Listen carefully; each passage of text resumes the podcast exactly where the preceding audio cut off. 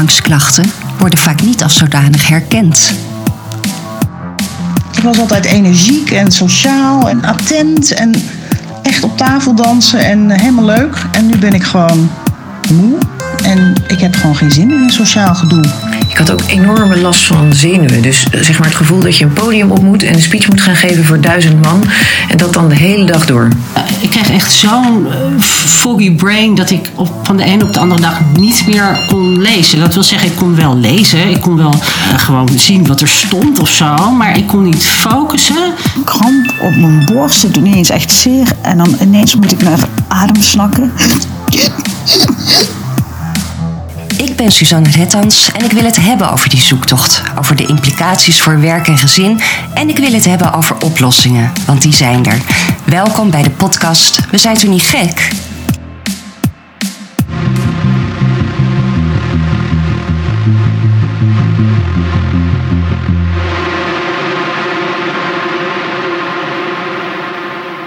En welkom bij aflevering 11. Vandaag ben ik te gast bij gynaecoloog Barbara Havenit van de hormoonpolie in Boksmeer. Zij is daarnaast ook ortomoleculair arts en arts integrale geneeskunde. En dat wil zoveel zeggen als dat zij een holistische aanpak heeft waarbij ze naar het hele lichaam kijkt en waar voeding en leefstijl een belangrijke plaats in nemen. Nou, inmiddels weten we wel dat voeding en leefstijl een cruciale rol spelen in de gezondheid. Maar in 2016 was dat allemaal nog erg nieuw en is ze door de Vereniging tegen Kwakzalvrij aangeklaagd. Wat ongelooflijk jammer is, want daardoor krijgen we haar niet meer vergoed. Soms uit de aanvullende verzekering, dus check dat even als je denkt dat je haar nodig hebt. Ze is namelijk een van de beste specialisten op het gebied van de behandeling van PMS en PMDD. En ook weet ze veel van borstkanker en hormoonsuppletie. Maar we beginnen met wetenschappelijk onderzoek naar de voor- en nadelen van hormoonsuppletie, wat er volgens haar wel degelijk is. Barbara Havenit. Er is al in 2013 een Global Consensus Statement on Menopausal Hormone Therapy uitgekomen.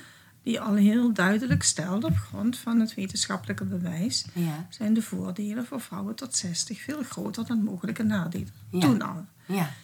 Daarna zijn er nog veel meer studies gekomen en daarop is in 2016 is er een revision geweest. Dat is de Revised Global Consensus Statement. Waarin nog wat aanpassingen waren en eigenlijk het verhaal nog positiever werd. En sinds eind vorig jaar weten we ook heel zeker door meta-analyses. De lichaamsidentieke hormoontherapie heeft de voorkeur, omdat je daarbij helemaal geen hogere kans ziet op borstkanker. Gewoon niet. Nee. Ook niet na tien jaar. Nee. En dat is nu nog eens een keer afgetimmerd. Ja. Dus dat maakt het verhaal nog weer onbevangener. Het kan gewoon. Ja. Ja. En dat, is, dat geldt niet voor vrouwen die borstkanker gehad hebben. Hè? Dat had je een vraag over gesteld. Ja. Hè, dat, dat is per individu te bekijken of er mogelijkheden zijn of niet. Maar het is niet standaard eh, mogelijk. Het is ook niet standaard niet mogelijk. Dat Ja. hangt heel erg af van wat voor soort tumor die vrouw had en hoe lang het geleden is en hoe ze behandeld is. Ja. Ja. Ja. Ja. Ja, dat is heel ingewikkeld, hè? Want, want vaak vrouwen of die borstkanker hebben gehad, ja, die krijgen gewoon meteen nee te horen. Terwijl ze ondertussen wel heel erg veel klachten krijgen. En Ja. nu dus ook horen Ja. van, Ja. ja. maar het heeft dan toch ook wel invloed en op de, eh, de elasticiteit van je bloedvaten en, en de botdichtheid. Ja. eh, eh. Ja, dus het niet wat nog veel oncologen uitspreken is... Ja, dat is natuurlijk altijd aan de veilige kant. Hè, want dan doe je niks fout als dokter. ja. Maar soms kun je ook iets fout doen door na te laten. Ja. Ja. Ja. Maar dat onderzoek, wat je hoort natuurlijk wel steeds Mhm. over dat onderzoek uit 2002, wat, wat zo verkeerd is uitgelegd. Maar die van uit 2012, 2013, die heb ik Dat was niet één onderzoek. Nee, dat dat, was dat was aan de hand van analyses van wat er allemaal al bekend was. Oké. Dus een, eigenlijk een heel een consensus statement is niet op basis van het bewijs zelf. Mhm. Maar een- dat, dat wordt gemaakt door degenen die het meest betrokken zijn bij de onderzoeken. Mhm. Die er het meest van afweten. En, en die zijn verenigd in de In- International Menopause Society. Ja. En die hebben dus bij elkaar gezeten en gezegd op grond van wat wij nu weten, gebaseerd uiteraard niet op eigen mening, maar op wetenschappelijke inzichten, Mhm. kunnen we stellen dat. Ja. Dus dat is, dat, is, dat is ook een hoge manier van Ja. steun voor dokters. Van, ja, weet je, de cracks doen het wel, dus waarom zouden wij niet kunnen? Ja. Maar dat wordt dan in zo'n huisartsenrichtlijn dan toch niet aangezien voor voldoende wetenschappelijk bewijs. Ja. Terwijl het er wel was. Ja. Maar ja, je moet wel enorm de studies induiken. En Ja. ja, de, de vraag is of je als huisarts daar überhaupt Ja. eh, ja, geoutilleerd voor bent. Dat, dat kost maanden tijd. Wil je al die studies op hun merites beoordelen. Ja. Dat doe je niet in een achternamiddag. Ja, maar is het dan toch wel zo dat er, dat er wel degelijk allerlei studies zijn en dat, dat als je daar eh, ja, een conclusie uit trekt. ehm, want ik had de vorige keer met, zat ik met Lisanne Bauma van eh, Carmenta en zij z- zei van, eh, nou ja, zij vond de, de Nederlandse richtlijnen eh, te strikt en, te, Ja. en inderdaad te zeer aan de, aan de veilige Klopt, kant. klopt. Ehm, en ze zei ja, maar dat komt gewoon omdat er geen ja, gedegen onderzoek eh, wordt gedaan. Het is of we kunnen het niet op onze populatie toepassen of de leeftijden kloppen niet. Nee, dat is echt gedegen onderwijs. Eh, on- Onderzoek, onderzoek, ja? absoluut. Zeker wel. Ja? En eh, eh, Nederland is gewoon altijd een beetje Calvinistisch geweest. Waar Ja. hormoontherapie gek Ja. genoeg niet bij de pillen. hè. Dat, dat Nee. als zoete broodjes. ja hoor, dat wordt gewoon eh, 14 Ja. jaar. eh, Ja. En dan de menopausale hormoontherapie was men heel terughoudend in. ja. Onder andere ook met name eh, die Women's Health Initiative studie, die Mhm. zoveel aan het wankelen heeft gebracht. En hè, waar meteen al mensen zeiden, ja, maar dit is niet de hormoontherapie die wij voorschrijven. Ja. Hè, met Ja. het, het, het dierlijke, het, het paardenhormoon en Ja. met de hydroxyprogesteron acetaat. En zeker niet voor vrouwen die de 60 gepasseerd zijn. Ja. Grond daarvan kwam er heel veel op en zei oh, niet meer doen, oh, gevaarlijk, oh, borstkanker, oh, hart- en vaatziekten, eh, Alzheimer, herseninfarct. Ja. Wat kreeg je dan niet allemaal van? Ja. En inmiddels weten we dus, door anders naar die getallen te kijken, hè, dus de subgroepen te analyseren, jongere groepen te analyseren en, en ook te kijken naar vrouwen die bijvoorbeeld alleen maar estradiol via de huid kregen, zag je hele andere dingen gebeuren. Ja. Mhm. Ja. Dus de grote groep leek een nadeel, maar er zaten dus een overgroot aandeel vrouwen die in Nederland niet eens met hormoontherapie zouden beginnen. Nee.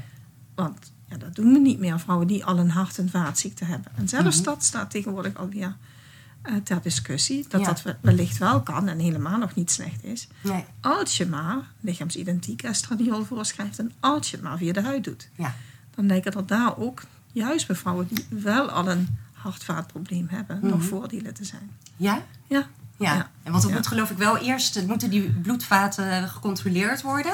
Niet per se. Niet, niet niet, per se. Nee, nee. Kijk, waar je, hè, je, je vraagt natuurlijk of iemand hart- en vaatziekte heeft. Mhm. Kijk, en als er vrouwen zijn die al bijvoorbeeld een open hartoperatie hebben ondergaan. Mhm. Of die al een torenhoge bloeddruk hebben en, Mhm. en, en drie verschillende medicijnen. En een hoog cholesterol en een cholesterolverlager. Dat is niet de groep aan wie je graag Nee. hormoontherapie voorschrijft. En Ja. dan nog is het niet zo dat het dan per se niet kan. Maar je moet dan uitleggen aan die vrouw van luister, er zijn misschien ook nadelen Mhm. In jouw situatie. Misschien is er wel een verhoogde kans op ja, een trombose hè, in, Mhm. in een vat. Dat, Mhm. hè, dat kan wel Mhm. in jouw omstandigheden. Misschien ook niet. Misschien heb je juist heel veel voordeel. Ja.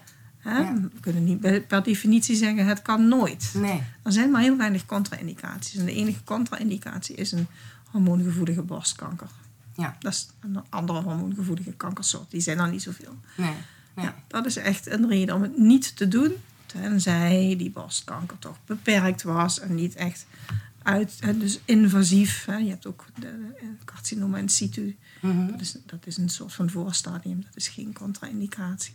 Nee. Of vrouwen die al een paar jaar geleden een behandeling hebben gehad voor een borstkanker die niet hormoongevoelig was. Ja. Die kunnen ook. Of vrouwen die volledig behandeld zijn en bijvoorbeeld al vijf jaar ziektevrij en toch nog steeds vreselijk veel overgangskrachten. Nou, dat kan wellicht ook. Ja, ja. En er zit natuurlijk altijd slaag om de arm en je kan nooit zeggen het is per definitie veilig. Maar het lijkt ook niet onveilig. Nee. Ja. En daarbij is het ook, ja, stel dat je zo lijdt onder, eh, onder de Er klachten. zijn, er zijn ook vrouwen die nog kort geleden borstkanker Ja. gehad hebben. En die Ja. toch zeggen, ja maar weet je, als jij mij dit niet voorschrijft, dan ga ik het gewoon op internet kopen. Want ik, ik spring van dak, zoveel klachten heb ik. Ja. Dan heb ik het liever dat ik het voorschrijf Ja. dan dat ze in een of andere gekke internetapotheek terechtkomen. Ja. Ja. Ja. ja, nee, tuurlijk. Maar je kunt, kunt gewoon op het, op het web kun je alles krijgen. Hè? Je hoeft niet, eh, je kan het ook in Spanje, kun je overgangshormonen gewoon kopen. Gewoon in de apotheek zonder recept. Ja, En dat weten heel veel mensen. ja, Ja. Nou, dat was met, we hebben natuurlijk steeds met Utrecht is steeds een tekort. Ja, nu niet was- meer. Er is, niet nieuwe, meer? er is een nieuwe fabriek geopend. Oh, er is een nieuwe fabriek Ja, geopend. ja. Nou, ik weet wel dat dat rond de zomervakantie was dat zo. En dan maar is het- alleen was in het- Nederland, hè? Dat is het gekke, hè? Alle andere landen hebben het wel. Maar we zijn altijd de eerste die de pineut zijn als op de wereldmarkt een schaarste is. Ja, Vanwege de hele lage vergoedingen die betaald worden aan de farmaceuten. Dus wij worden als eerste afgeknepen. Ja, Want ja, waarom zou je aan Nederland leveren als je toch geen geld krijgt? Nee. hè? nee. Snap ik ook wel. Ja. Ja. Ja. Maar goed, maar toen was het wel fijn dat je daar dan kon je gewoon een aantal pakken Utrecht stam kopen. Ja, in België of Duitsland of in Ja. Spanje, dat klopt. Ja, Ja. dat Ja. is zo. Ja. Want, want bijvoorbeeld dat borstkankerverhaal, waar kun je terecht als je, als je gewoon niet weet of het nou mag? Ja, of ja, dat nee? kan hier. Hier- Kan Ja, hier, ja. ja. ja. Er zijn inderdaad niet zo heel veel gynaecologen die daar dan eh, rekening mee houden. Hè? Er zijn er heel veel die bijvoorbeeld zeggen nee, want dan doe je niks fout, zeg maar. Mhm. Er is bijvoorbeeld in het, eh, dan moet ik denk- denken in het VU is er iemand, is dat in het VU of, of het Am- Amsterdam Medisch Centrum. Dat maakt tegenwoordig niet meer uit, het is één ziekenhuis geworden. Daar is een arts die heel erg is toe, zich toe heeft gespitst op hormoontherapie voor vrouwen met oncologisch verleden. Of bijvoorbeeld met een BRCA-gen-mutatie. Dat is echt een, een supergoed iemand. Ja, Die weet nog veel meer als ik. oké. Oké. Ja, dus als ik het ook soms niet weet, Ja. dan bel ik en zeg ik, denk eens even mee. Ja. Oh, wat fijn. ja, dat is heel fijn. Ja. Ja. Ja. Want je zou toch inderdaad wensen dat, dat, dat gynaecologen onderling eh, die contacten hebben. Dat, dat als je Die, iets niet... die eh, zijn er ook wel. Hè? Het is niet zo dat, dat, dat we nooit elkaar spreken. Nee. Maar ik word ook niet zo heel vaak gebeld hoor, door collega's. Soms wel, en zeker ook door huisartsen die Ja. vragen. Ja. Ja. Ja. Want, Ja. want wat is uw specialiteit dan? Waar, wat zijn de onderwerpen waar u op gebeld wordt? Ja, nou, ik, ik weet dus heel veel over menopausale hormoontherapie en de Mhm. behandeling van PMDD en PMS. Ja. ja. Ja. Ja. Het hele vakgebied, dat noemen we benigne gynaecologie. Benigne, dus Ja. de goedaardige gynaecologische ziektes. Er hoort nog veel meer bij thuis. Hè. Dus ook endometriose hoort erbij. Ja. En Maar ik, ja, daarin wijk ik een beetje af van de landelijke protocollen. Omdat ik breder probeer te kijken. En Ja. Dus ik zie bepaalde ziektes als systeemziekte en niet Ja. als een probleem in de buikholte. Ja. En dan kun je vaak nog veel meer doen als je niet beperkt tot... Als ik zo kijk, zie ik jou Mhm. wel, maar als ik zo kijk, zie ik maar de helft. Ja. Ja, en Ja. dat gebeurt natuurlijk heel veel Ja. in onze orgaangerichte geneeskunde. Dat we Ja. alleen maar naar het orgaan kijken, maar niet naar heel de mens. Nee, precies. Terwijl er zo... Nou, ik had dat... En dat, dat is met name wat, wat, waar ik dan nog aanvullende opleidingen voor gevolgd heb. Maar dat vindt niet iedereen eh, oké, want ja, dat is alternatief of zo. Mhm. Het is gewoon evidence-based geneeskunde, maar men werkt niet zo. Dat staat zo niet in de richtlijnen. Ja. Dus dat doen we niet. Nee. Ja. Nee. Nee. En dat is ook zo, dat staat ook niet in de richtlijnen. Nee. Omdat er nog veel, er wordt veel meer naar individuen gekeken. Hè? Ik ben echt niet de enige dokter die zo werkt. Hè? Dit Mhm. komt heel erg uit de VS. Daar wordt het ook gedoseerd aan, aan grote faculteiten. Dat heet eh, functional medicine. Hè? Mhm. Dat is niet een, een, een uitvinding van mij. Ja. Ehm, dat je breed kijkt. Maar Ja. in Nederland zijn we nog niet zo ver. Hè? We Ja. zijn heel erg protocolgericht. Ja. En- Ja, en, de patiënt moet zich aan, eigenlijk aanpassen aan de richtlijn. En het is never nooit zo dat wij ons beleid aanpassen aan de patiënt. Nee. Nee. Nee. En dat is Nee. het verschil met hoe ik probeer te werken. Ja. Ja. Nou, dat... Ja. Ja. Zet. Ik heb ook een psychiater die ook zo werkt. Die ook zegt, ik behandel de patiënt en niet een diagnose. Ja, precies. Zo Ja. hoort het eigenlijk ook. Hè? Ja. Kunt u dan een voorbeeld noemen van, van iets wat, ja, wat, wat misschien regelmatig te smal bekeken wordt en- waar, wat je echt... Nou, bijvoorbeeld auto-immuunziektes binnen Mhm. de gynaecologie. Hè. Ziekte lichenschlerose is een huidziekte, maar ook endometriose. Mhm. Hè. Natuurlijk, er is een goede behandeling, dat weten we. Je kan opereren, je kan hormonen geven. En dan krijg je de ziekte vaak wel behoorlijk verbeterd. Mhm. Maar hormonen kunnen ook ernstige bijwerkingen hebben. Mhm. En niet iedereen verdraagt dat. En dan zijn er dus vrouwen vaak op zoek naar iets wat ook helpt, of misschien nog wat beter helpt, zonder die bijwerkingen. Ja. En dat kan dan dus niet binnen de ziekenhuizen, omdat ze het niet weten. Ja. Heel veel vrouwen volgen een endometriose-dieet, bijvoorbeeld. Mhm. En voor een deel helpt dat enorm, en voor een deel helpt dat niet. Mhm. En als je het dan aan je gynaecoloog in, in een ziekenhuis Mhm. eh, ABC vraagt, dan zeggen ze, Ja. ja. probeer het dan en kijk wat het doet. Ja. Maar die dokters die weten niet dat het kan helpen, maar dat er soms individuele verschillen zijn tussen welke voeding een probleem geeft voor een individu en welke niet. Want daar hebben ze het niet geleerd. Nee. En dat je daar wel degelijk individuele verschillen in kan hebben en dat je dat kan meten. Maar dat, ja, dat Ja. gebeurt niet. En Dus hoe meet je dat dan? ja, gewoon bloedonderzoek door te kijken Ja. naar antistoffen tegen voedingsmiddelen. Ja, ja, Dat kun je gewoon meten. ja. Ja, en dan zeggen we, ja, dat is niet evidence-based.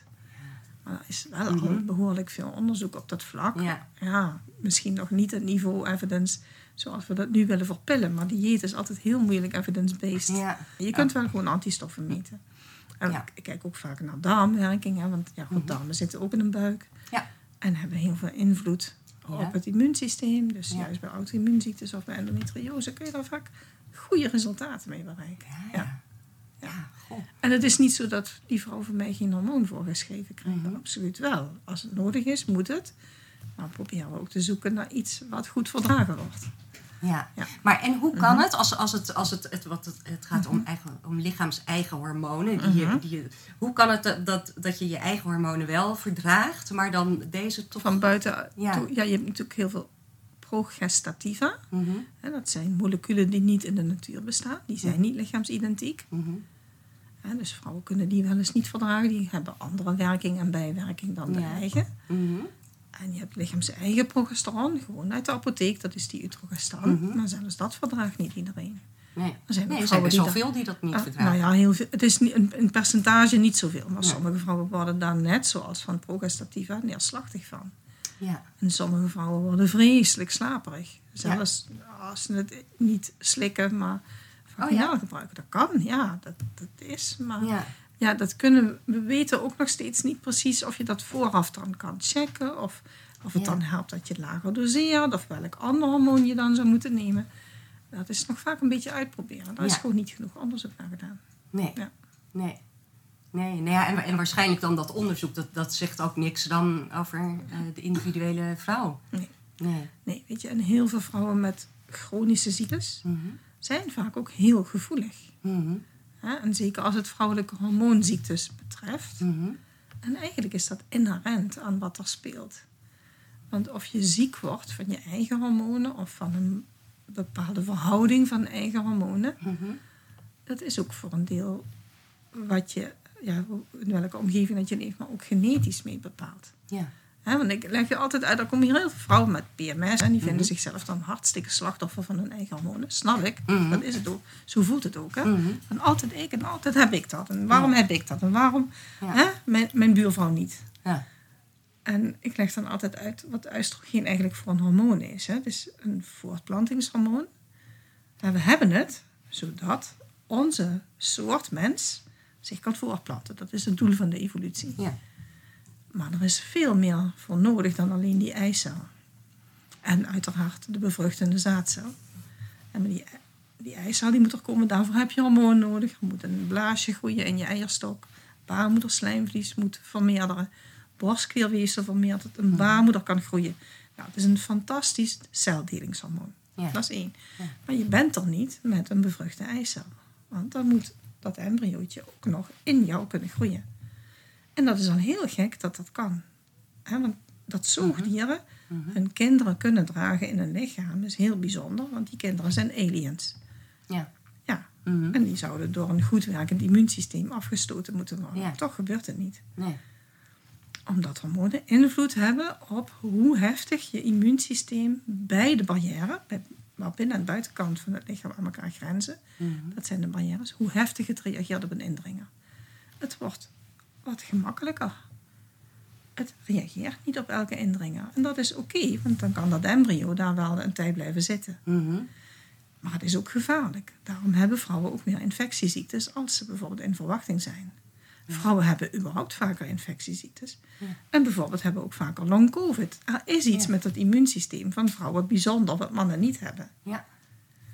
Vrouwen hebben een, eigenlijk een beter ja, tweede verdedigingslinie van het immuunsysteem in het lichaam.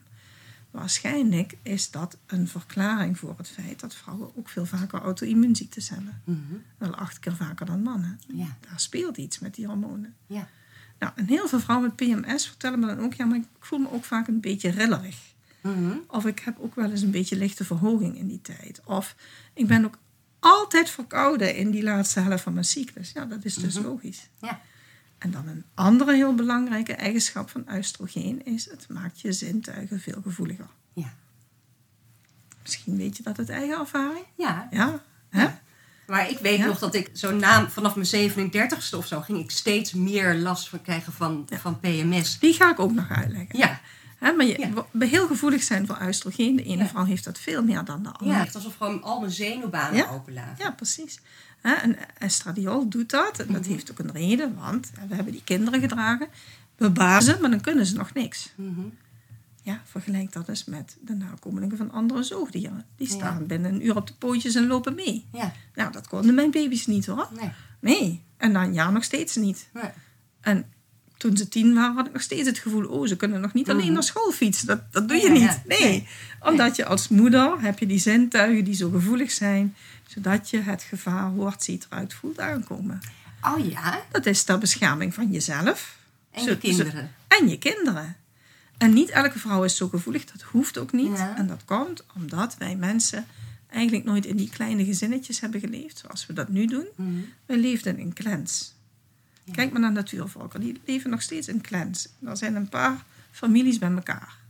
En als er twee, drie vrouwen zijn die hartstikke gevoelig zijn, is dat genoeg dat de rest uit gevaar blijft. En de rest kan dus makkelijker erop uit, het voedsel zoeken. En die, die, die twee of die drie, die letten op alles. Oh, wacht, pas op, dat komt niet. Oh, kijk uit hier. Interessant. Het is geweldig dat het zo Ja. in elkaar zit. Zoals je in een clan ook altijd mensen hebt. En dat zijn dingen die we aan mannen toedichten. Die op het gevaar aflopen. En zeggen, huh, wat moet jij? Wou je wat? Ja. En die houden dus de rest uit gevaar. En dat is ten koste van hunzelf. Ja. Die vrouw met PMS heeft daar zelf hartstikke veel last van. Nou ja, ja. Maar al die anderen om haar heen niet. Nee. Nee. En het voelt ook een beetje Ja. als een, soort zwakte. Of, of, eh, Ja, maar het is dus geen zwakte. Het is eigenlijk is het natuurlijk een heel positieve eigenschap. Alleen je hebt er zelf last van. Ja. ja. En is dat Ja. dan wat, Ja. wat mensen Ja. ehm, hooggevoelig noemen, of niet? Is dat Ja, hetzelfde? ik denk voor een deel is dat Ik zo. Kijk, en wat er het dan ook wel vaak doorheen speelt, is veel vrouwen met PMS en PMDD-klachten hebben ook vaak echt hele negatieve ervaringen opgedaan in hun leven, die inherent zijn aan vrouw zijn. Mhm. Bijvoorbeeld vervelende ervaringen rondom hun geslachtsdelen, rondom seks, rondom menstrueren, rondom vrouw zijn. Dat je als vrouw eigenlijk maar half meetelt en toch niks waar bent. Mhm. Het zijn hele, dat is dan gekoppeld aan, ja, hé, hey, je hebt ook nog hormonen die bepalen dat je vrouw bent. Ja, Ja, die zijn dus vervelend. ja. Hè? En wat tot Maar ik, zie slot, dan, ik- maar ik Ja. begrijp alleen de samenhang dan niet helemaal. nou, als je, als je meekrijgt dat vrouw zijn eigenlijk iets heel, Mhm. heel naars is, en dat je pech Ja. hebt als je een meisje bent, Ja, dan kan het dus Maar dan- dan- dan- mee dan bijdragen aan dat, dat- dat dat versterkt. Dat je, je, je gevoeligheid. ja, Ja? tuurlijk. Ach. Zeker. En wat er dan tot slot, en dat is jouw verhaal dan, hè, dat je Ja. dan na je 35ste opeens die PMS-klachten krijgt en steeds erger. Mhm. Dat komt omdat de balans tussen je oestrogeen en je progesteron verandert. Ja. Hè, je hebt ook progesteron, gelukkig, want dat is een tegenwicht tegen oestrogeen. Mhm. Vooral in dat we uh, alles zien, horen, ruiken, Ja. voelen. Hè? Progesteron is het hormoon dat zegt, maak je niet zo gek. Je kinderen lopen niet in zeven sloten tegelijk. Mhm. Echt heus hoor. Ze springen echt niet van dak. Don't worry. Morgen is er ook een dag. Maar dat ga je steeds minder maken met het verouderen van je eierstokken. Ja. Dus dan heb je een cyclus en een ijsprong en je maakt progesteron, maar niet meer zoveel als toen je 30 was. Ja. En dat geeft dan minder tegenwicht, waardoor dat oestrogeen toch weer met al die eigenschappen Ja. die we nadelig vinden en lastig Mhm. zich kan eh, uiten. En, Ja. Ja. Hè, Ja. Dus minder progesteron. ja. En dat geeft PMS en PMDD-klachten. En is Niet het... bij iedere vrouw, maar wel Nee. bij een deel. Ja. Ja. En, en is het dan... ehm, is het dan ook dat je dat, je dat met eh, progesteron het beste kunt behandelen? Dat kan zo zijn. Hè. Je moet altijd goed kijken. Als het verhaal van de vrouw... Als de vrouw als, je hebt ook vrouwen die hebben vanaf hun eerste menstruatie ernstige PMS of PMDD-klachten. Dat is niet door progesterontekort. En dan speelt er toch iets anders. En, Mhm. en dat- dan moet je uitzoeken wat, bijvoorbeeld. En hoe de oestrogeenstofwisseling verloopt kun je meten, enzovoort. Ehm, maar als vrouwen het uiteindelijk pas krijgen als ze 30 plus zijn, of bijvoorbeeld het gekregen hebben in een periode waarin ze heel veel stress hebben gehad, dan weet je het is een progesteronprobleem. En soms niet eens omdat progesteron niet meer gemaakt wordt, maar als er in een situatie van chronische stress Mhm. heel veel cortisol gemaakt werd, want dat hoort bij chronische stress. Mhm. Cortisol is een zusje van progesteron, het lijkt er vreselijk veel op, kan de progesteronreceptor bezetten. Dus het kan zijn dat je progesteron ruim voldoende maakt, Ja. maar dat het niet goed werkt. En dan meet je, je meet voldoende progesteron. Nee, dat kan het niet zijn. Maar dat kan het dus wel zijn. Omdat we niet kunnen meten hoeveel progesteron er op je receptoren zit. Mhm. En hoeveel receptoren al bezet zijn door cortisol. Want Ja. er kan alleen maar of cortisol of progesteron. Kan op die receptor, maar Ja, ja. progesteron kan niet op de receptor van cortisol. Maar cortisol kan wel op de receptor van progesteron. Ja. Is het ook omdat het, want het komt dan door die hormoonschommelingen en afnames. Is het zo dat dat, dat PMDD houdt dat op na de menopauze? Ja, meestal wel, niet Mhm. altijd. Hè. Ook al hebben vrouwen dan geen cyclus meer. Mhm. Er zijn vrouwen die een cyclus blijven voelen. Die Ja. er niet is. Ja. En ik weet niet hoe je dat kunt verklaren. In ieder geval niet met hormoonveranderingen, want die zijn er niet meer. Nee. Als je nou ja, 40 jaar gebukt bent geweest onder die hormonen en hun cyclus, Mhm. Hè, dan kan ik me voorstellen dat dat als het ware iets is wat inslijt in jouw gevoel of herinnering of whatever, body, body memory, ik weet niet hoe je dat Mhm. noemt. Ja, ja. Maar ik heb vrouwen gezien van 60 die beweerden dat ze nog steeds een PMDD-cyclus hadden. Ja. Twee goede weken, twee hele slechte weken. Ja. dat kan ik niet verklaren. Nee. Nee, ik heb Ja. het inderdaad ook nog wel eens. En toen Die hormoonveranderingen zijn er echt niet meer. Nee. Want die eierstokken doen het echt niet meer. Die Nee. zijn gewoon Dat is bij mij ook al gewoon een jaar klaar. dood, zeg Ja. maar. Nou, dat is wel heel onaardig, maar niet meer werkzaam. Nee. Dus daar, kun je het niet, niet, daar kan het niet doorkomen. Maar Nee. wel door een ingesleten patroon van... ik heb twee goede weken, twee slechte weken. Ja. Overtuigingen kunnen enorm veel invloed hebben op wat je voelt. Ja, maar je voelt ook, we hadden het net Ja. over die, die gevoeligheid. eh, Ja. die, Nee, maar ik zeg ook niet dat, dat, Mhm. ik zeg ook niet dat het inbeelding is. Nee. Hè, maar we weten bijvoorbeeld, er zijn sommige dingen die zijn heel goed uitgezocht. Zoals bijvoorbeeld, je hebt ook mensen die een slaapstoornis hebben. Mhm. En er zijn mensen die zijn inderdaad zo overtuigd dat ze niet kunnen slapen. Die kunnen gewoon niet meer slapen. Mhm. Ja. Nou, en ik ben nooit zo heel erg voorstander van cognitieve gedragstherapie. Maar dit is uitgezocht en dat werkt. Zoals het ook dus soms kan werken dat de oestrogeen niet je vijand is. Als je dat weer leert, Mhm. hè, dat je weet van hé, het heeft ook ergens een hoger doel. Dat, dat, Mhm. ja, Ja. dat kan al enorm helpen. Als je begrijpt waarom je die klachten hebt, Ja. kan helpen in ermee om kunnen gaan. Ja. Ja. Ik zeg dus daarmee niet dat het aanstellers zijn als ze die klachten hebben. Helemaal niet. Nee. Vrouwen die de- deze klachten ervaren, die hebben die klachten. Ja. Dat is absoluut serieus en dat kan vreselijk hinderlijk zijn. Ja. En belemmerend voor Ja. al je dagelijkse taken. Ja. En dan zijn ook vrouwen in mijn praktijk die zo ernstig PMDD hebben... Mhm. dat ze werkelijk elke maand een, een, een poging doen om zichzelf het leven te benemen. Die zijn er. Dat is afschuwelijk. Ja. Ja. Ja. En dus het is absoluut een probleem wat serieus genomen moet worden. Ja. Ja, wat, wat op, ik dacht eh, later, eigenlijk zou er, zou er inderdaad meer kennis over moeten zijn, ook, ook onder vrouwen zelf. Want, want het wordt dus eigenlijk zo, ja, aan eind 30 wordt, dat, wordt het allemaal erger. Mhm. Nou, dan heb je waarschijnlijk ook je kinderen eh, gehad. Er zijn natuurlijk veel vrouwen die zeggen dan, en nu is het klaar, nu heb ik het helemaal gehad met die hormonen. Nu mag hij. Nu Ja. mag hij. Ja, Hij moet een knipje laten ja zetten. precies. en dan stoppen ze met de pillen, krijg je alle klachten. Ja, precies. En dan wordt het nog Ja. erger. Ja, en voor een, deel, ja, voor een deel van de vrouwen is de pil dus heel positief. Ja. Met PMS en PMDD-klachten. Voor een ander deel juist helemaal niet.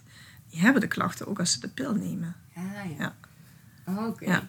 Ja. Ja. dat is best wel zuur. En dan is het soms juist het doorslikken dan de oplossing. Of Ja. toch een andere combi, hè, zoals Ja. die Zuli. Die, maar niet, en er is er ook nog een nieuw soort pil. Mhm. Eh, die heet Drovelis. Ik weet niet of je die in jouw eh, tocht, eh, zoektocht al bent Nee. tegengekomen. Het is een nieuwe pil, bestaat sinds twee jaar in Mhm. Nederland op de markt. Daar zit estetrol in. En estetrol is een lichaamsidentiek oestrogeen, Ja. maar het fetale oestrogeen. Ja. Dus baby's in de buik bij hun moeder, jongetjes en meisjes maken een oestrogeen. Ja. En dat doen ze eigenlijk om te voorkomen dat het oestrogeen van de moeder wat door de placenta heen gaat, dus ook bij de babykot, Mhm. dat dat effect heeft op hun. Want als dat moederlijk oestrogeen op, op je baby's effect zou hebben, dan zouden alle baby's geboren worden met borsten. Mhm. Dat is niet zo handig. Nee. Nee. en dat estetrol werkt een beetje anti, dus het blokkeert als het ware dat oestrogeen de cel in kan. Ja. ja. Terwijl het wel genoeg oestrogeen effect heeft om bijvoorbeeld bottelkalking te voorkomen. En om hart- en vaatziekten te voorkomen. Mhm. Het is echt een gunstig stofje. Ah. En die pil, daar zit dan het rospiridon in. Het rospiridon-pillen werden ook een tijd lang Eigenlijk gegeven bij PMDD, PMS-klachten. hè. Die leken ook wat beter dan de standaard anticonceptiepil. Is dat ook niet wat wordt... ehm, beetje de jasminnende jas, zeg maar. Hè? Oh, De- ja, die, die pillen. Eh, dus Drovelis heeft dat ook. Die heeft ook drospiranon. Ja, en er zijn ook vrouwen die het daar heel goed op doen. Dus dan hoef je niet over naar eh, blokkeren eierstokken met antihormoon. Maar laten we die Drovelis eens proberen. Hè, maar het is niet zo... Hè, dus ik leg vrouwen altijd uit. Er is een soort stappenplan. We beginnen eerst eens... Hè, je, bent, je kreeg het met 37. Nou, laten we eerst eens progesteron alleen doen. Doet dat het niet genoeg, kan er een beetje oestrogeen bij. Werkt dat ook niet genoeg, dan kan Zuli of Drovelis. Stel dat dat ook niet genoeg werkt, nou, dan komt er nog een plan D. Hè, maar er zijn echt meer stappen. En je Ja. probeert als eerste wat het minst belastend is voor het lichaam. Ja. En uiteindelijk, voor een deel van de vrouwen, is dat dan niet de oplossing. Dan zoek je verder. Ja, ja, ja. En maar ik weet niet vooraf wat die persoon die dan tegenover mij zit precies gaat helpen. Nee, nee. Nee, maar dus je moet eigenlijk, als je dit, die, die klachten zo ervaart, eh, in zo'n sterke mate, moet je nou ja, bij, bij echt een hormoonspecialist. In feite is dat wel zo handig, ja. Ja. Ja. Eh, Herman de Pieper had ik Ja, ook geïnt- oh, Ja. eigenlijk ook over die, die, eh, ja, die stijgende PMS-klachten. eh, zo rond je bij de 40 veroudering. Ja, zeker kan al eerder, hè. En eerder, ja. Ja, ja. Nou, hij, hij, zei- nog van, nou, dat is wel vroeg. kan echt zo Wel, vroeg hè? zijn. Ja. En dan vooral ook, nou, als je dan eens kijkt wat vrouwen van 35 op een bord hebben. Ja, Hè, je bent net een carrière aan het optuigen. Je hebt Ja. meestal dan pas jonge kinderen. ja. Nou, die niet doorslapen. Mhm. Hè, en ze moeten of allemaal naar sportclubjes of weet ik waarheen. ja. Eh, En dan heb je ook nog ouders die wat zorgbehoeftiger worden. Want hè, dat heb je ook in die leeftijd. ja. Dus aan alle kanten wordt er aan je getrokken. En je wil ook nog een leuk sociaal leven met vriendinnen. En je moet sporten. ja. Dat is gewoon niet te doen in één leven. Nee. Ja, dus we leggen onszelf ook wel heel veel op. Ja, daar kun je behoorlijk van, van onderuit gaan. Maar hij had het erover dat, dat, dat, er, dat er in die periode dan hoge eh oestrogeenpieken komen. Ehm, omdat ook dat daalt. En dan komt er vanuit de, eh, de hersenen het signaal van... Nou, er Nee, die is inderdaad, en dat, dat zie dat, ik denk dat dat niet speelt bij 35, maar eerder ook al wat later. Dus als de eierstokken niet meer zo heel goed werken, Mhm. Dat weten we, dan wordt er soms heel veel van het aansturende hormoon, maar Ja. FSH. Ja. En dat kan dan zorgen voor oestrogeenpieken, die zie ik hier ook. Ja. Ja. En, maar die zijn, ja, en als je daar dan gevoelig voor bent, geeft het natuurlijk ook alweer extra klachten, uiteraard. Want hij had het er dan over dat je dat het beste kunt behandelen... Met eigenlijk weer de anticonceptiepil, de Zuli had hij het Kan. over. Kan. En dan die doorslikken. Ja, dus wat de Zuli dan doet, het is een anticonceptiepil met estradiol. Mhm. plus een progestatieve, maar eentje die relatief voor veel vrouwen goed te verdragen is. En een pil overroelt de eigen eierstok. Ja. En dat kan ook heel positief uitpakken als je eigen eierstokken er werkelijk een janboel van maken. Ja. Hè? En dan zeg ik altijd jongens, maar het zijn volgens mij meisjes. Hè? Jullie zijn af, want jullie maken er een zootje van. Ik ga de pil nemen om dit te voorkomen. En dat kan een hele goede methode zijn. Ja. Zet ik geregeld in. Ja. ja, ja. Maar hoe weet je nou welke methode je moet hebben? In overleg met de patiënt, waar heeft zij de voorkeur voor? En ik eh, zeg van, nou, kan lichaamsidentiek progesteron gegeven worden. Eventueel een snufje oestrogeen erbij, om met name die diep, dieptes, hè, die pieken hebben vrouwen niet al te veel last van, gek genoeg. Maar vooral merk ik altijd, als het in dal gaat, dan gaat het helemaal fout. Dus dat kan je een beetje opvangen. Of de pil, omdat je daarmee de eigen eierstokken overroelt. Ja. En dat kan een hele goede oplossing zijn. Ja. En, dus, e- en een van de andere dingen die ook in de richtlijn, er is een richtlijn PMS en PMDD genoemd worden, is het helemaal uitzetten van eierstokken. Kan ook. Hè. Sommige vrouwen hebben zoveel last van die continue golfbeweging. Dat je zegt, nou, helemaal stoppen. Dus dan geef je antihormoon. Mhm. Maar dan zouden vrouwen acute vreselijke overgangsklachten krijgen. Dat is ook niet handig. Nee. Je gaat wel hormoon geven. Ja. Maar zoals menopausale hormoontherapie. Dus genoeg dat er geen ernstige klachten zijn, zoals opvliegers niet slapen. Mhm. Maar elke dag dezelfde hoeveelheid. Dus er Ja. is geen golfbeweging meer. En Nee. dat is voor veel vrouwen ook al een hele goede verandering. Ja. Kan ook. Ja. Ja. Want dat is, maar dat is dan niet zo, zoals de Zuli, dat doorslikken. Nee, eh, de, zoel, de, zoelie zet dus gewoon de eierstokken uit.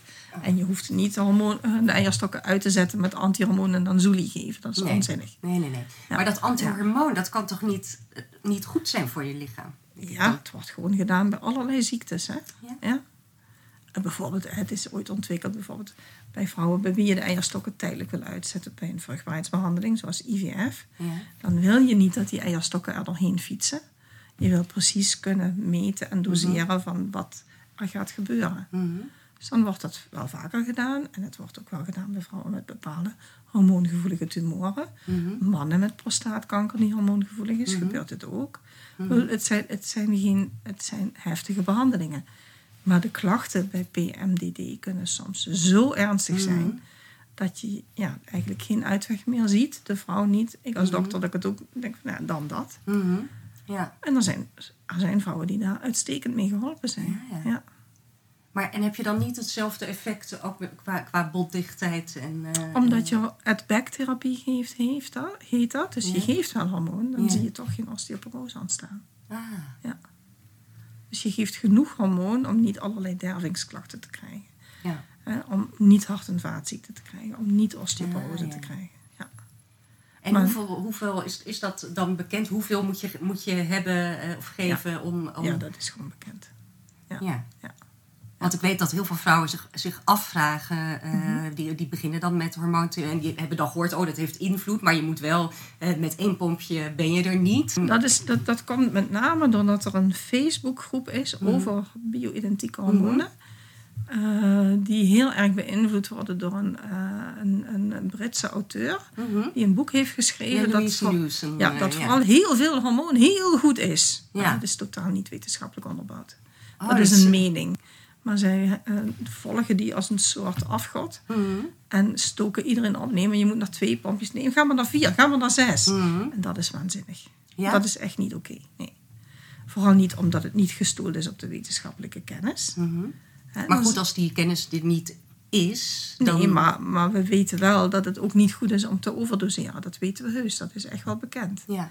Maar weet je, ik, Ja. er komen hier vrouwen die acht pompjes oestrogel gebruiken. Denk ja, weet je, zullen we eens meten hoeveel je eigenlijk in je lichaam hebt? En of het dan nog kan dat je nog steeds klachten hebt bij deze dosis. Of dat je misschien juist klachten aan het creëren bent door de overdosis. Ja, Want dat ja. zie ik ook. Ja, want dat geeft volgens mij ook dezelfde soort klachten. Dat kan, ja. Dus ik vind het heel gevaarlijk dat zij dit soort adviezen geven. En heel onwenselijk. En ik, ik snap ook wel dat het voortkomt uit een gebrek aan kennis bij veel dokters. Ja. Dat snap ik heus. Maar dat betekent nog niet dat je op de stoel van de dokter kan gaan zitten. Nee. Als je zelf niet een medische opleiding hebt gevolgd. Nee. Nee. Nee. Nee, maar ja, dat maakt het wel lastig voor, voor gewoon de, de, Nee, want, de want, vrouwen. want, de, de patiënt hè, gelooft toch degene die op internet hard schreeuwt. Ja, dat zie ik hier ook. Ja, ja, en, ja. En, je, en je vindt natuurlijk ook herkenning, eh, eh, eindelijk misschien. Mhm. En omdat je het in Spanje kan halen, kun je gemakkelijk zelf een paar pompjes mee eh, het land in, in krijgen. En Mhm. Gewoon denk van, oh, weet je, wel, die dokter zegt één pompje. Nou, ah, dat, dat lijkt me helemaal niet goed. Want hè, ze zeggen dat ik naar drie moet. Nou, dan ga ik toch gewoon drie doen. Mhm. Ja. Dus ook vrouwen die, die bloedingen krijgen door die overdosis. Ik vind het echt doodeng. Wat voor bloedingen kun je krijgen dan? Als je te veel oestrogeen krijgt, dan kun je gewoon bloedverlies krijgen. Ja, ja. Ja. ja. En zelfs baarmoederkanker. Ik bedoel, het is niet, niet helemaal onschuldig hè, wat er Nee. daar gebeurt. Het is echt niet oké. Nee. Nee. Nee. Want wat is Ja. dan doorgaans dan voldoende eh, om, Voor de meeste vrouwen is een, de standaard dosis is genoeg. En voor een deel van de vrouwen, Mhm. ik denk dat dat in mijn praktijk minder dan 5% is, is het niet Oh ja? genoeg. Maar dan kun je meten, je kunt het niveau van estradiol in bloed meten. Ja. Nou, en als je dan ziet, hey, dit is inderdaad een niet effectief niveau, dan kan je ophogen. Ja. En dat doe je op geleide van wat je meet. Ja. En niet zo. Nee. Hè? En er zijn ook landen die zeggen, nou begin gewoon met twee pompjes. Mhm. Dat is ook prima, zo kun je ook Mhm. beginnen. Ik doe dat meestal niet, begin met één en dan Mhm. naar twee als het nodig is. Nou, als dan twee nog steeds niet genoeg lijken, dan moet je gewoon meten.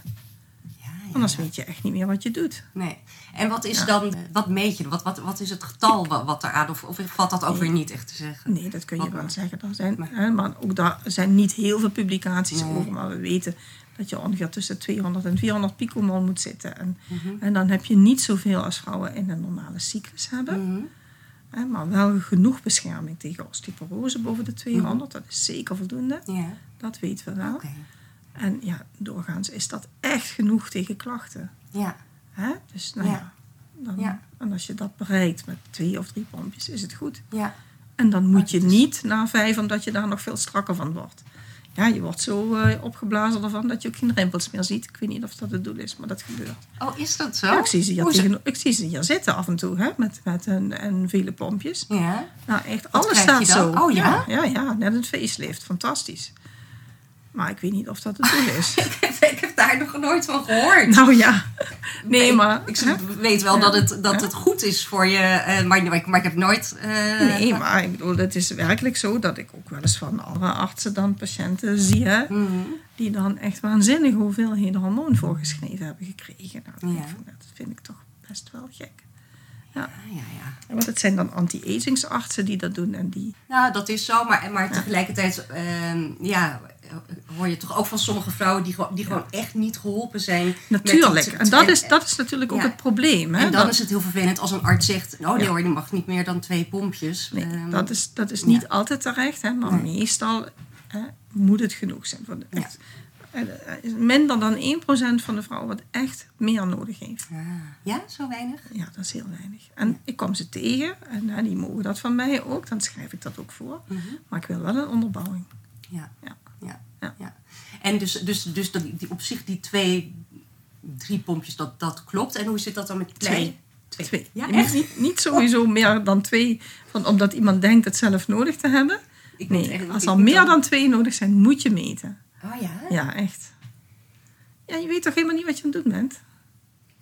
En, en met pleisters, wat is daar het gangbare? Ja, pleisters schrijf ik zelf eigenlijk amper voor. Oh ja? En dat heeft een belangrijke reden, omdat je bij pleisters eigenlijk onvoldoende stabiele niveaus ziet. Dus als een vrouw de pleister vandaag plakt, gaat haar oestrogeen veel hoger dan eigenlijk nodig. Mhm. Zeg maar, dus van 600, 700. Op dag 2, dan zie je ongeveer wat je wilt, bijvoorbeeld 300. Mhm. En op dag 3 zie je dan nog maar 150. En nu, ik zie dus bij heel veel vrouwen met pleisters dit en daardoor bloedingen. Ik vind het echt ondingen. En dan worden in juist- Nederland juist- sowieso alleen de pleisters vergoed die eh, generiek zijn. Ja. Nou, het is gewoon rottingen, die vallen allemaal eraf.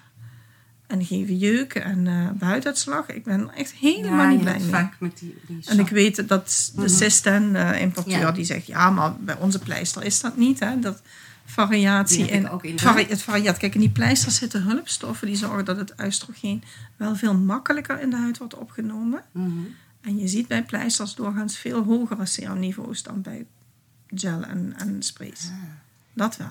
Oké. Maar dat is dus een verschil in de dragen... en hoe het in de huid wordt opgenomen. Ja, want ze zei, Ja. want ik dacht, Ja. ik dacht dus, Ja. het komt nu dat ik die Ja. pleister eh, krijg ik de hele tijd gewoon een goede Nou, afschrift. waarschijnlijk en daardoor waarschijnlijk staat heb je dus nu een hoger niveau, maar ik schat in. Een pleister van 100. Ik weet Oh, je niet hebt een wat- pleister van nodig. Ja, ik Nee, heb geen nee. idee wat mijn... Nee, eh, maar ik dat, dus heel veel gynaecologen weten niet dat je het gewoon echt kan meten. Ja, ze weten het wel, maar dit Ja. is niet dat ze dat, dat- met mij deelt. Het is meer, nee, het is goed nee, of niet. Of, nee. eh, maar dat, dat, dat komt dus niks. wel uit de anti- anti-agingswereld, hè, dat je kan meten. Ja, En ja, in de gynaecologie is dat niet gebruikelijk, merk ik. nee, Ja, nee. ja. Maar het kan dus Goh. wel om goed iemand op maat een behandeling te geven. Ja, En je moet alleen maar estradiol meten. Progesteron is eigenlijk niet goed meetbaar. nee. Want dat verdwijnt heel snel je cellen in. Dat vind je in bloed amper terug. Dus daar kun je niet goed op varen. Ja, ja. Ja. Vooral niet doen als een arts het je niet voorschrijft. Maar het is inderdaad ook wel... Ik snap heel goed dat vrouwen zich richten tot dit soort voorraad. Mhm. Omdat ze geen gehoor krijgen bij hun huisarts. Nee, Dat is helaas nog steeds. Ja. Ja. ja. Wat, wat zou daar eigenlijk moeten veranderen? Heel veel scholing. Ja. Maar ja, weet je... Als je kijkt hoeveel scholing een huisarts per jaar moet doen... Mhm. En hoeveel punten zij verplicht moeten halen uit hè, bijvoorbeeld hart- en vaatziekten, bijvoorbeeld diabetes. Hè, dat zijn echt de, de speerpunten bij huisarts. Dan heb je amper tijd om eens iets anders te doen. Mhm. En er zijn nog wel een paar huisartsen die bijvoorbeeld kaderhuisarts gynaecologie zijn. Zoals er ook kaderhuisartsen bewegingsapparaat zijn. Maar ja, dat zijn er dan maar een paar. En die, die zijn dan geschoold en de rest allemaal niet. Nee. En Ja. dus daarom is het zo dat er nog steeds huisartsen rond vertellen dat je kanker krijgt van hormoontherapie. Ja. Mijn huisarts deed Ja. dat ook. De, Ja. Ik heb een andere huisarts nu. Ja. Eh, ja. Ja. Nee, daar krijg je kanker van. Nou, er is niet genoeg scholing op dat vlak. Nee. Er is wel genoeg aanbod hoor, maar ze komen niet. Nee? Nee. En, Nee. maar, maar, en wa- wat er geschoold wordt, ja, het zijn druppels op gloeiende platen. Ik Ja. geef elk jaar een keer voor zo'n... Een, dat is een, een, een endocrinologie scholing. Mhm. Ik geef steeds een verhaal over hormonen. ja? En ja, dan zitten er dan 70 huisartsen zo in je zaal. Maar dan denk je, ja, dat is een druppel op de gloeiende plaat. Je hebt 7000 huisartsen. Ja. Ja, Ja. ja.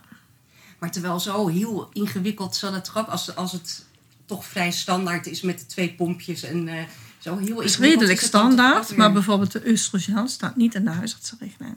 Nee, Utrogestan staat ook niet in de huisartsenrichtlijn. nee. Wel in die praktische handleiding. ja. Die wel, maar dat is niet conform de huisartsenrichtlijn. Nee, dat klopt. Ja. Ja. Ja. Ja. Ja. ja. En hoe eh, belangrijk is het dan, want, want eh, nou, ik zag net in de wachtkamer zag ik al dat de hormoonfactor, heb ik Ja. heel lang geleden heb ik Ralf Moorman wel eens geïnterviewd, en dat ook dat boek. En jullie hebben dan samen samen die hormoonbalans voor vrouwen. Ja. Eh, hoe belangrijk is, is, is eh, voeding, leefstijl? Ontzettend belangrijk. Ja? Heel erg belangrijk. Dus als je het dan weer hebt over PMS, hè, Mhm. dan weten we bijvoorbeeld dat de meeste vrouwen met PMS, dat zijn suikerjunkies. Dat komt ook omdat je, als je je oestrogeen daalt, Mhm. dan ga je het vaak compenseren met serotonine. Mhm. En serotonine maak je uit het eiwit wat in zoete voeding zit, tryptofaan. Ja. Dus al die vrouwen gaan chocola eten. Oh ja? Ja. En Ja, je hoort dat wel altijd. Ik heb, ik heb daar nog een hele leuke foto over, die moet ik kijken Oh ja? ik kan vinden. Ik heb dat Even dus zelf helemaal nooit, nooit gehad. Nee, dat heeft niet iedereen, maar dat zie je wel heel veel. zie je Ik ga veel. Even kijken of ik hem zo terug vind. Wat ik wel merk, is dat sinds ik hormoonsuppletie heb, dat ik niet meer... Kijk, eh, deze foto. Bij de Jumbo in Boxmeer. echt? Ja. Dat is hartstikke een Dat is hele dus goede marketingtruc. maandverbandjes en de M&M's. Ja, naast elkaar. Het is echt gewoon perfect als marketing. Ja, ik zou zeggen. Ja, dus goh, wie heeft dat goed op de hoogte- Ja, blijkbaar. Ja. Ja. Leuk toch? Ja, heel geestig. Ja, maar dat is ook zo. Ja. En als vrouwen dan toch niet aan die roep van hé, je moet suiker eten gaan eh, ja, tegemoetkomen, zie je vaak dat de klachten al sterk verminderen. Ja, ja, ja. Ja, dat heeft echt invloed. Ja, Dus juist niet die zoetigheid, juist niet tussendoor eten. ja. Hè? Gezond eten, zo vers als en onbewerkt mogelijk in huis halen. Wel Ja. zelf bewerken natuurlijk, maar niet ja. al uit een potje of blikje of doosje. Nee. Of, of, eh? Nee, Ja. nee. En, en eh, die eh, vitamines, hoor je natuurlijk ook veel. Dat we. Ja. vaak vitamine D3 komen volgens mij veel vrouwen ja, daarvan weten we niet zo heel goed hè, wat de invloed is op hormonen. Het zit wel in dezelfde groep stoffen. Hè? Dus vitamine D Mhm. wordt uit cholesterol gemaakt, net als de vrouwelijke en de mannelijke hormonen en cortisol.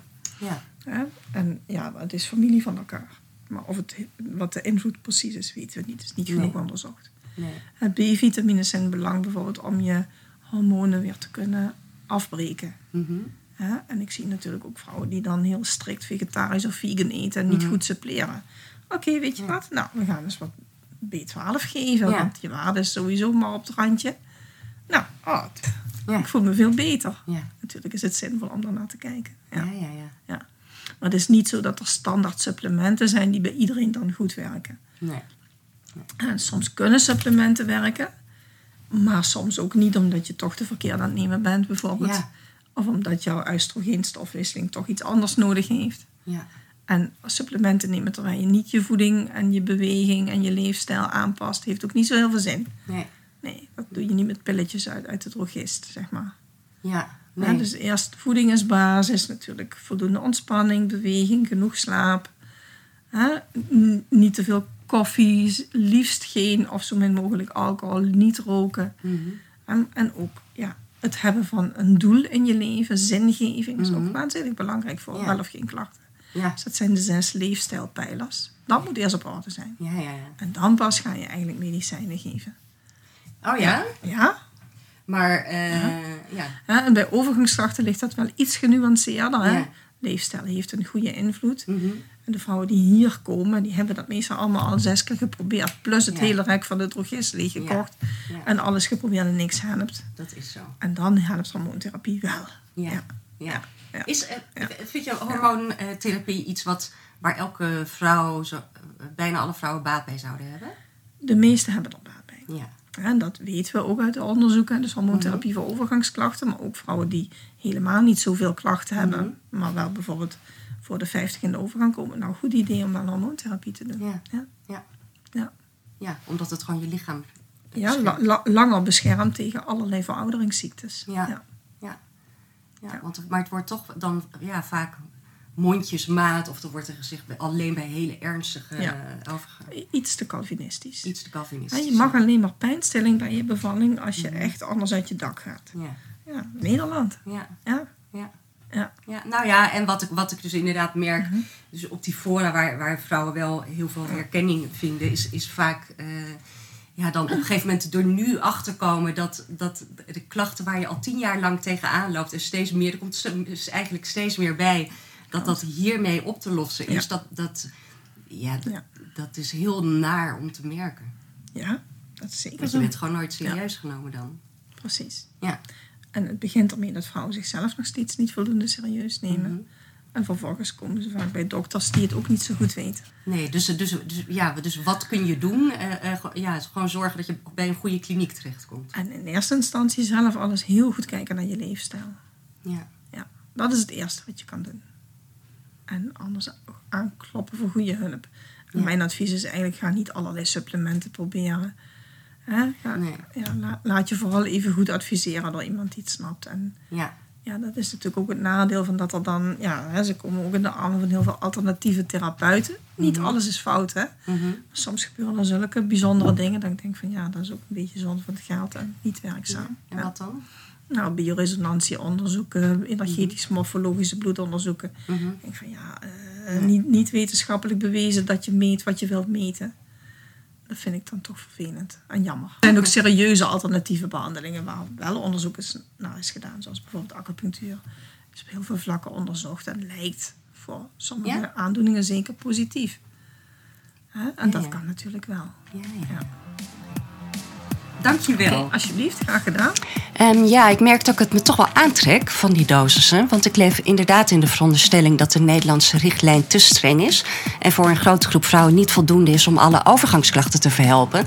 En al helemaal niet om goed preventief te kunnen werken tegen ja, ouderdomsziektes als osteoporose, hart- en vaatziekten en dementie. Ik heb die informatie van een van de Facebookgroepen waar ik vaak naar eh, verwijs. Niet de Nederlandse van Ellen Brox, maar de Vlaamse van Lee-Marie Rijnvoet.